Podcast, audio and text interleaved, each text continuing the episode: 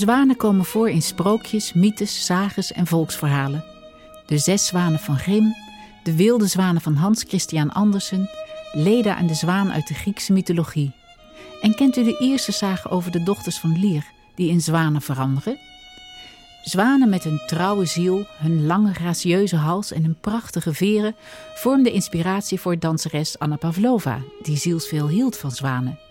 Voor de schilder Jan Asselijns met zijn bedreigde zwaan in het Rijksmuseum. En zelfs de commerciële wereld gebruikte een zwaan die een landing maakte in het meer voor de beroemde reclame van de KLM. Mijn naam is Lin van Ellinkhuizen. In deze podcast vertel ik u meer over de totstandkoming van het ballet der balletten, het Zwanenmeer.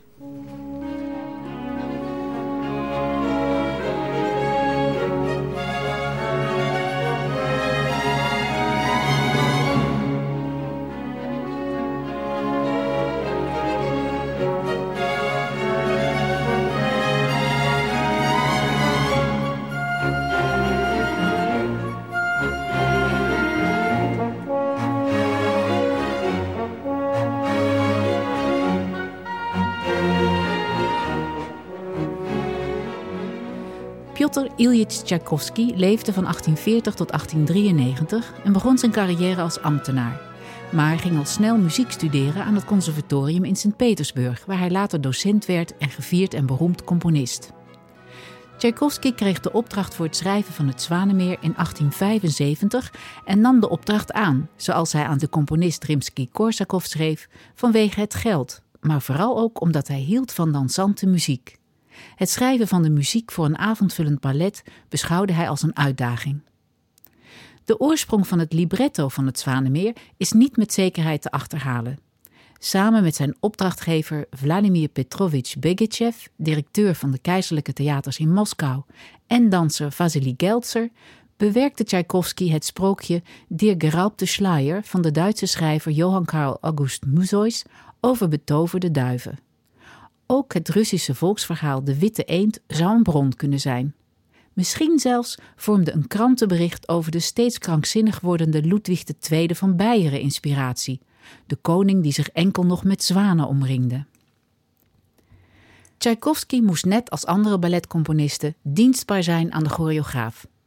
Voor de première in 1877 was dat helaas de middelmatige choreograaf Reisinger. Wat niet dansbaar werd geacht, moest herschreven worden. En als Reisinger meende dat er een Russische dans ontbrak, dan schreef Tchaikovsky die.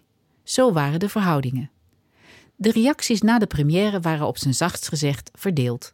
Of ze het nu wel of niet waardeerden, dat Tchaikovskys muziek anders was, dat stond voor iedereen vast. Na zes jaar, waarin nog meer aanpassingen werden gedaan, verdween het stuk van het repertoire. Marius Petipa leefde van 1818 tot 1910. Hij was van oorsprong Fransman.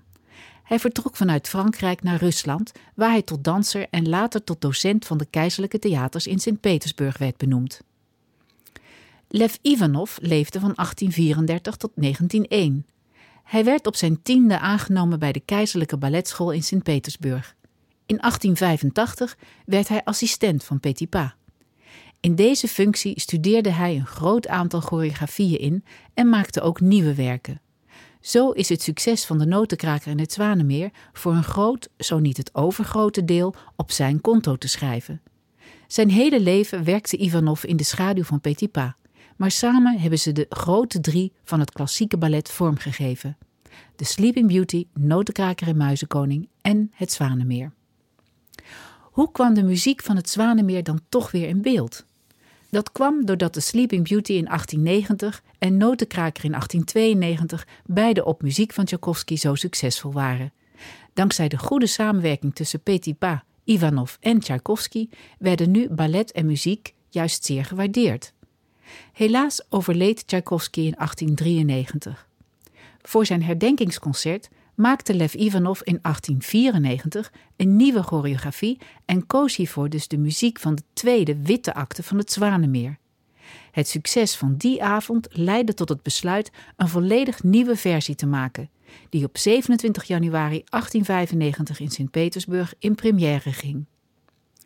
Daarbij tekende Petipa voor de eerste en derde acte, die zich respectievelijk in de paleistuin en het paleis afspelen.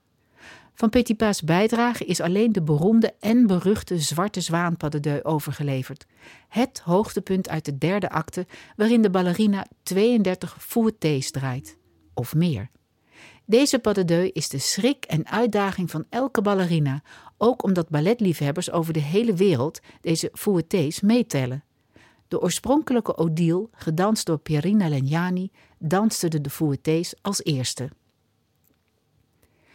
Bij Lev Ivanov, verantwoordelijk voor de tweede en vierde acte van het Zwanemeer, draait het niet om uiterlijk vertoon en virtuoos spektakel. In zijn witte actes ligt de nadruk op bezieling, zeggingskracht en muzikaliteit. Petipa en Ivanov hebben als geen ander bewezen dat Tchaikovskis muziek met haar rijke melodieën, verhalende karakter en briljante orchestratie bij uitstek geschikt is voor ballet.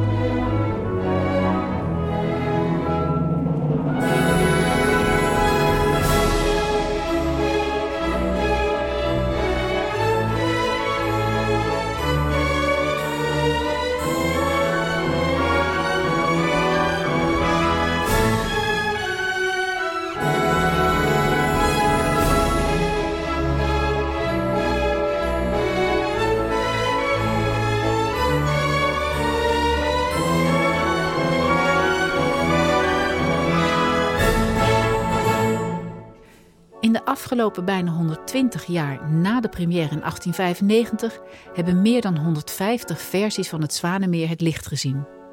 Waarvan het merendeel dus gebaseerd op die versie van Petipa en Ivanov. In Nederland werden vanaf 1937 korte fragmenten uit het ballet gedanst door buitenlandse gezelschappen. Vanaf 1949 waagden ook de eerste Nederlanders zich hier aan. Het Nationale Ballet bracht voor het Zwanemeer van Rudy van Danzig in 1965 en 1973 als eerste in Nederland volledige versies van het ballet uit.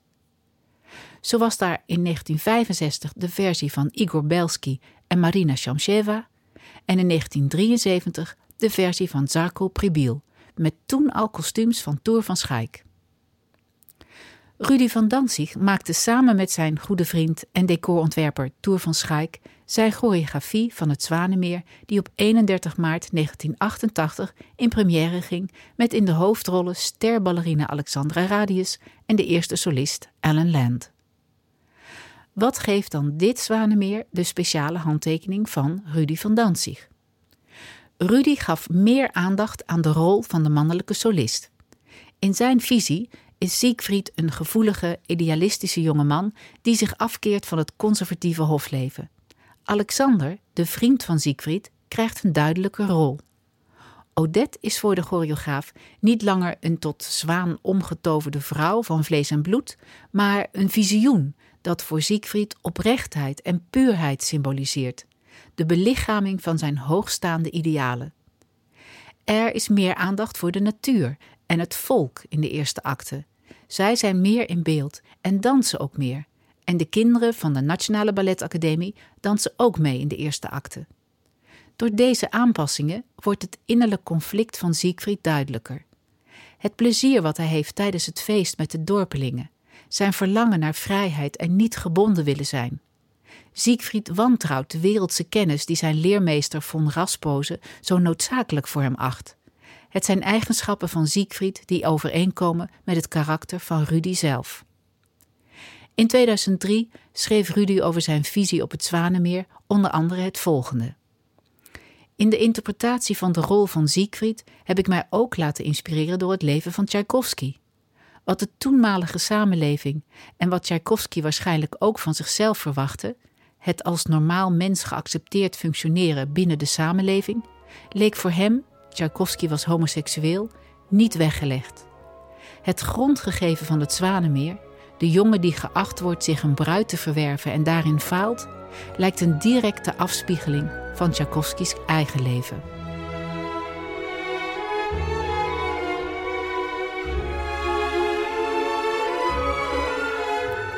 Hij wist dat hij moest gaan.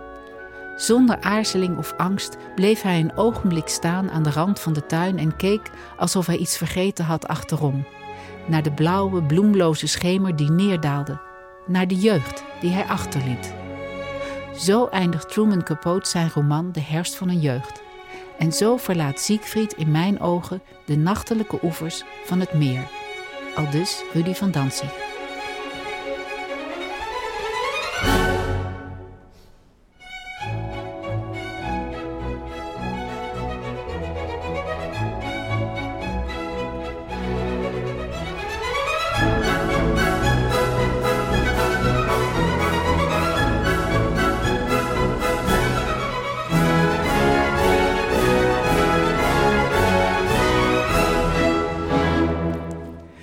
Rudy van Danzig werd geboren in Amsterdam op 4 augustus 1933 en is overleden op 19 januari 2012. Na de oprichting van het Nationale Ballet in 1961 was Rudy van Danzig er eerst huischoreograaf en van 1971 tot 1991 artistiek leider. Als choreograaf was Van Danzig onnavolgbaar bevlogen. Hij wist iedere danser te inspireren en had de unieke gave om dingen uit hun naar boven te halen waarvan ze zelf niet wisten dat ze deze in zich hadden. In totaal creëerde hij meer dan 50 balletten, het merendeel voor het Nationale Ballet, waarvan een aantal nog steeds wereldwijd wordt uitgevoerd. Zijn choreografieën, waarvoor Tour van Schaik veelal de decors en kostuums ontwierp, hebben vaak een verhalend en maatschappijkritisch karakter. Daarbij is het jagen naar iets onbereikbaars of iets wat onbereikbaar lijkt en daarbij telkens geconfronteerd worden met de vergankelijkheid der dingen een van de belangrijkste thema's. Tot Van Danzigs bekendste werken behoren Vier Letste Lieder, Monument voor een gestorven jongen, Onder mijn voeten en zijn versies van de klassieke balletten Romeo en Julia en Het Zwanemeer. Daarnaast was Van Danzig ook schrijver. In 86 kwam zijn romandebuut Voor een verloren soldaat uit. Hij publiceerde in 1993 onder meer een boek over zijn herinneringen aan Rudolf Nureyev, Het spoor van een komeet. En in 2003 de biografie Het leven van Willem Arondeus. In juni 2013 verscheen postuum Herinneringen aan Sonia Gaskell, het boek waaraan hij de laatste jaren van zijn leven wijde. Wat motiveerde Rudy van Danzig om zelf een zwanemeer te choreograferen? In een interview met dansjournalist Astrid van Leeuwen vertelt Rudy het volgende. Het Zwanemeer is geheel ontstaan uit vrije wil. Het Nationale Ballet had al twee eerdere versies van het ballet op het repertoire gehad en over beide was ik niet tevreden. Ik was bang dat als ik weer iemand van buiten zou halen, het opnieuw op een teleurstelling zou uitlopen. Dus besloot ik het zelf te doen. Achteraf gezien een goed besluit voor de groep en voor mezelf. Het was belangrijk om weer eens een productie te maken waar het hele gezelschap bij betrokken was, van solisten tot en met kinderen. En ik had nauw contact met iedereen. Voor een artistiek leider en voor de sfeer en saamhorigheid in de groep is dat essentieel. Het verhaal van het Zwanemeer bestaat uit vier actes. Het begint met een tuinfeest. Siegfried wordt op zijn achttiende verjaardag verrast met een tuinfeest dat is georganiseerd door zijn vriend Alexander. Deze heeft daarbij hulp gekregen van hovelingen en omwonenden van het kasteel. De opvoeder van de prins, von Raspoze, ergert zich aan de vriendschappelijke omgang van Siegfried en Alexander met de boerenbevolking. De komst van de vorstin, Siegfrieds moeder, onderbreekt de feestelijkheden. Zij schenkt haar zoon een ring en wijst hem op zijn toekomstige taak als haar opvolger. Spoedig zal hij een bruid moeten kiezen. Siegfried raakt overmand door verdriet bij het vooruitzicht dat aan zijn jongensjaren een einde komt.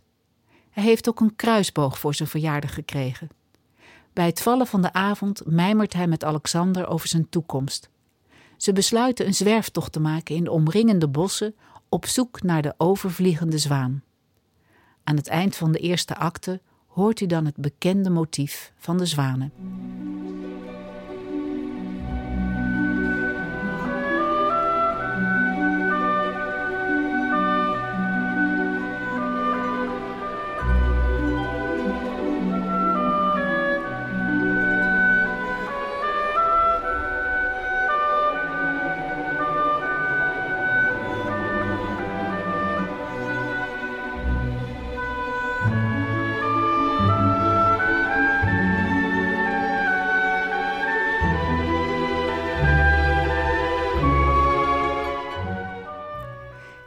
Tweede acte lijken Siegfried en Alexander verdwaald in het bos. Uiteindelijk komen ze aan bij de oevers van een uitgestrekt meer. Een grote, rondcirkelende roofvogel jaagt het tweetal angst aan. De roofvogel, ofwel de boze tovenaar Roodbaard, roept uit het donkere meer een zwaan op die een menselijke gestalte aanneemt. In deze Odette, de betoverde zwanenkoningin, en haar volgelingen meent Siegfried zijn idealen van oprechtheid en eenvoud verwezenlijk te zien. Dan volgt het grote dansdivertissement met onder andere de wals van de zwanen en de vier zwaantjes en de Grand Pas de Deux, begeleid door schitterende vioolsolo, waar uiteindelijk Siegfried Odette eeuwig trouw belooft. Als hij zijn belofte houdt, zal de betovering van Odette eindigen.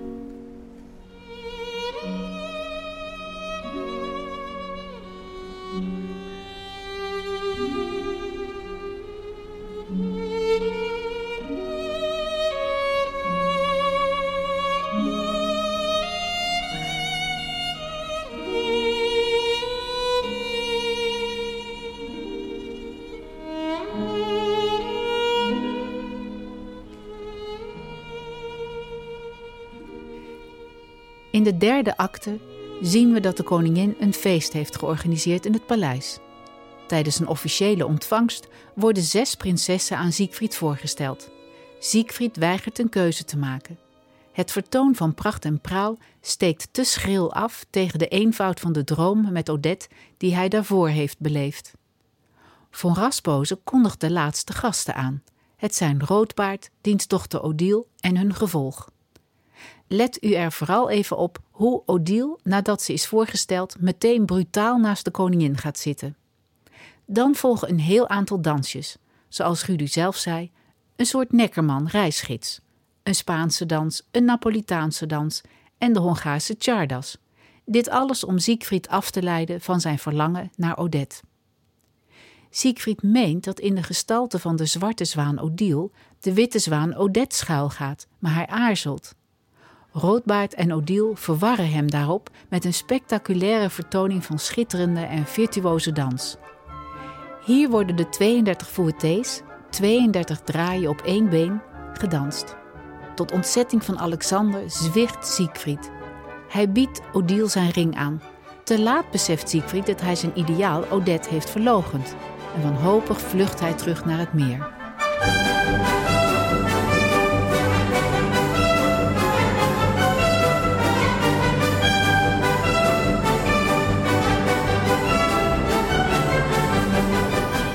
De vierde acte is totaal door Rudy van Danzig opnieuw gechoreografeerd. Bedroefd en met het gevoel te zijn verraden verblijven Odette en de andere zwanen bij het nachtelijke meer, waar Siegfried hen vindt. Odette vergeeft Siegfried en tracht hem te troosten. Hij moet met de werkelijkheid leren leven. Roodbaard probeert Siegfried bij het meer te verjagen.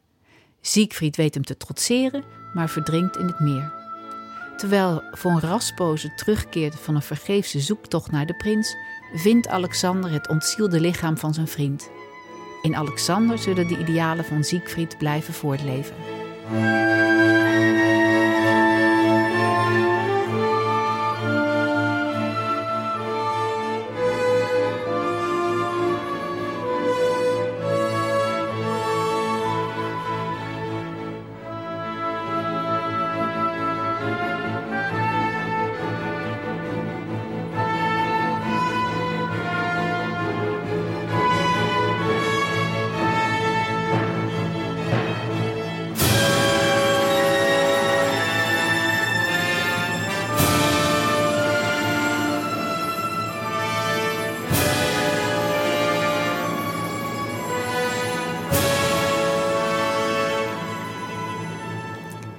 Toer van Schaik is naast choreograaf ook decor- en kostuumontwerper. Wie wel eens een maquette van Toer van Schaik heeft gezien, krijgt meteen enorme bewondering voor zijn werk. Hij munt uit zowel in robuuste vormen als in uiterst gedetailleerd en precies monnikenwerk. Zelfs in de maquette wordt de pracht en praal van de Gouden Eeuw als het ware tot leven gewekt. De keuze voor het uiteindelijke decorontwerp voor het Zwanemeer is op curieuze wijze tot stand gekomen. Tour vertelt: ik had een schilderij gemaakt voor het ballet Sans Armes Citoyen, Een ballet dat we in 1987 maakten op verzoek van Rudolf Nureyev. Destijds was hij artistiek leider van het ballet van de Parijse Opera. Dat ballet ging over de Franse Revolutie. Er kwam een scène in voor waarin een schilderij van een paleis dat staat in een klassiek landschap van de muur wordt getrokken en vernield als ultiem symbool van de kwalijke decadente bourgeoiswereld. Datzelfde schilderij wilde Rudy heel graag gebruiken als ontwerp voor de eerste acte van het Zwanemeer. Dus het glorieuze paleis in het landschap is in eerste instantie gemaakt om vernietigd te worden, als symbool van decadentie en verwerpelijke macht. Daarnaast heb ik vooral gekeken, vertelde Toer, naar de barok, naar de schilderijen met die prachtige lichtinval. De Spaanse, Hongaarse en Napolitaanse dansen in de derde acte van het Zwanemeer creëerde Tour ook op verzoek van Rudy. Rudy voelde zich daar niet zo in thuis en hij had zijn handen vol aan de andere scènes. In een recent interview met Tour van Schaik werd hem gevraagd of, als het Zwanemeer nu in 2018 opnieuw gemaakt zou worden, hij dan iets zou veranderen. De discussie die nu speelt in de samenleving, bijvoorbeeld wat betreft diversiteit en verouderde clichés, zwart, slecht, wit, goed, zou dit van invloed zijn op bijvoorbeeld het kostuumontwerp en de karakters van Odette Odile. Toer denkt er lang over na en zegt dan: Ik zou het een onderschatting vinden van het publiek.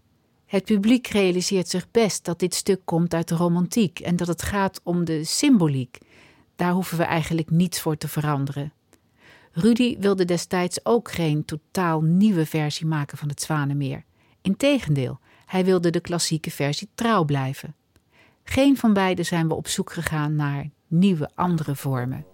Het is goed zo.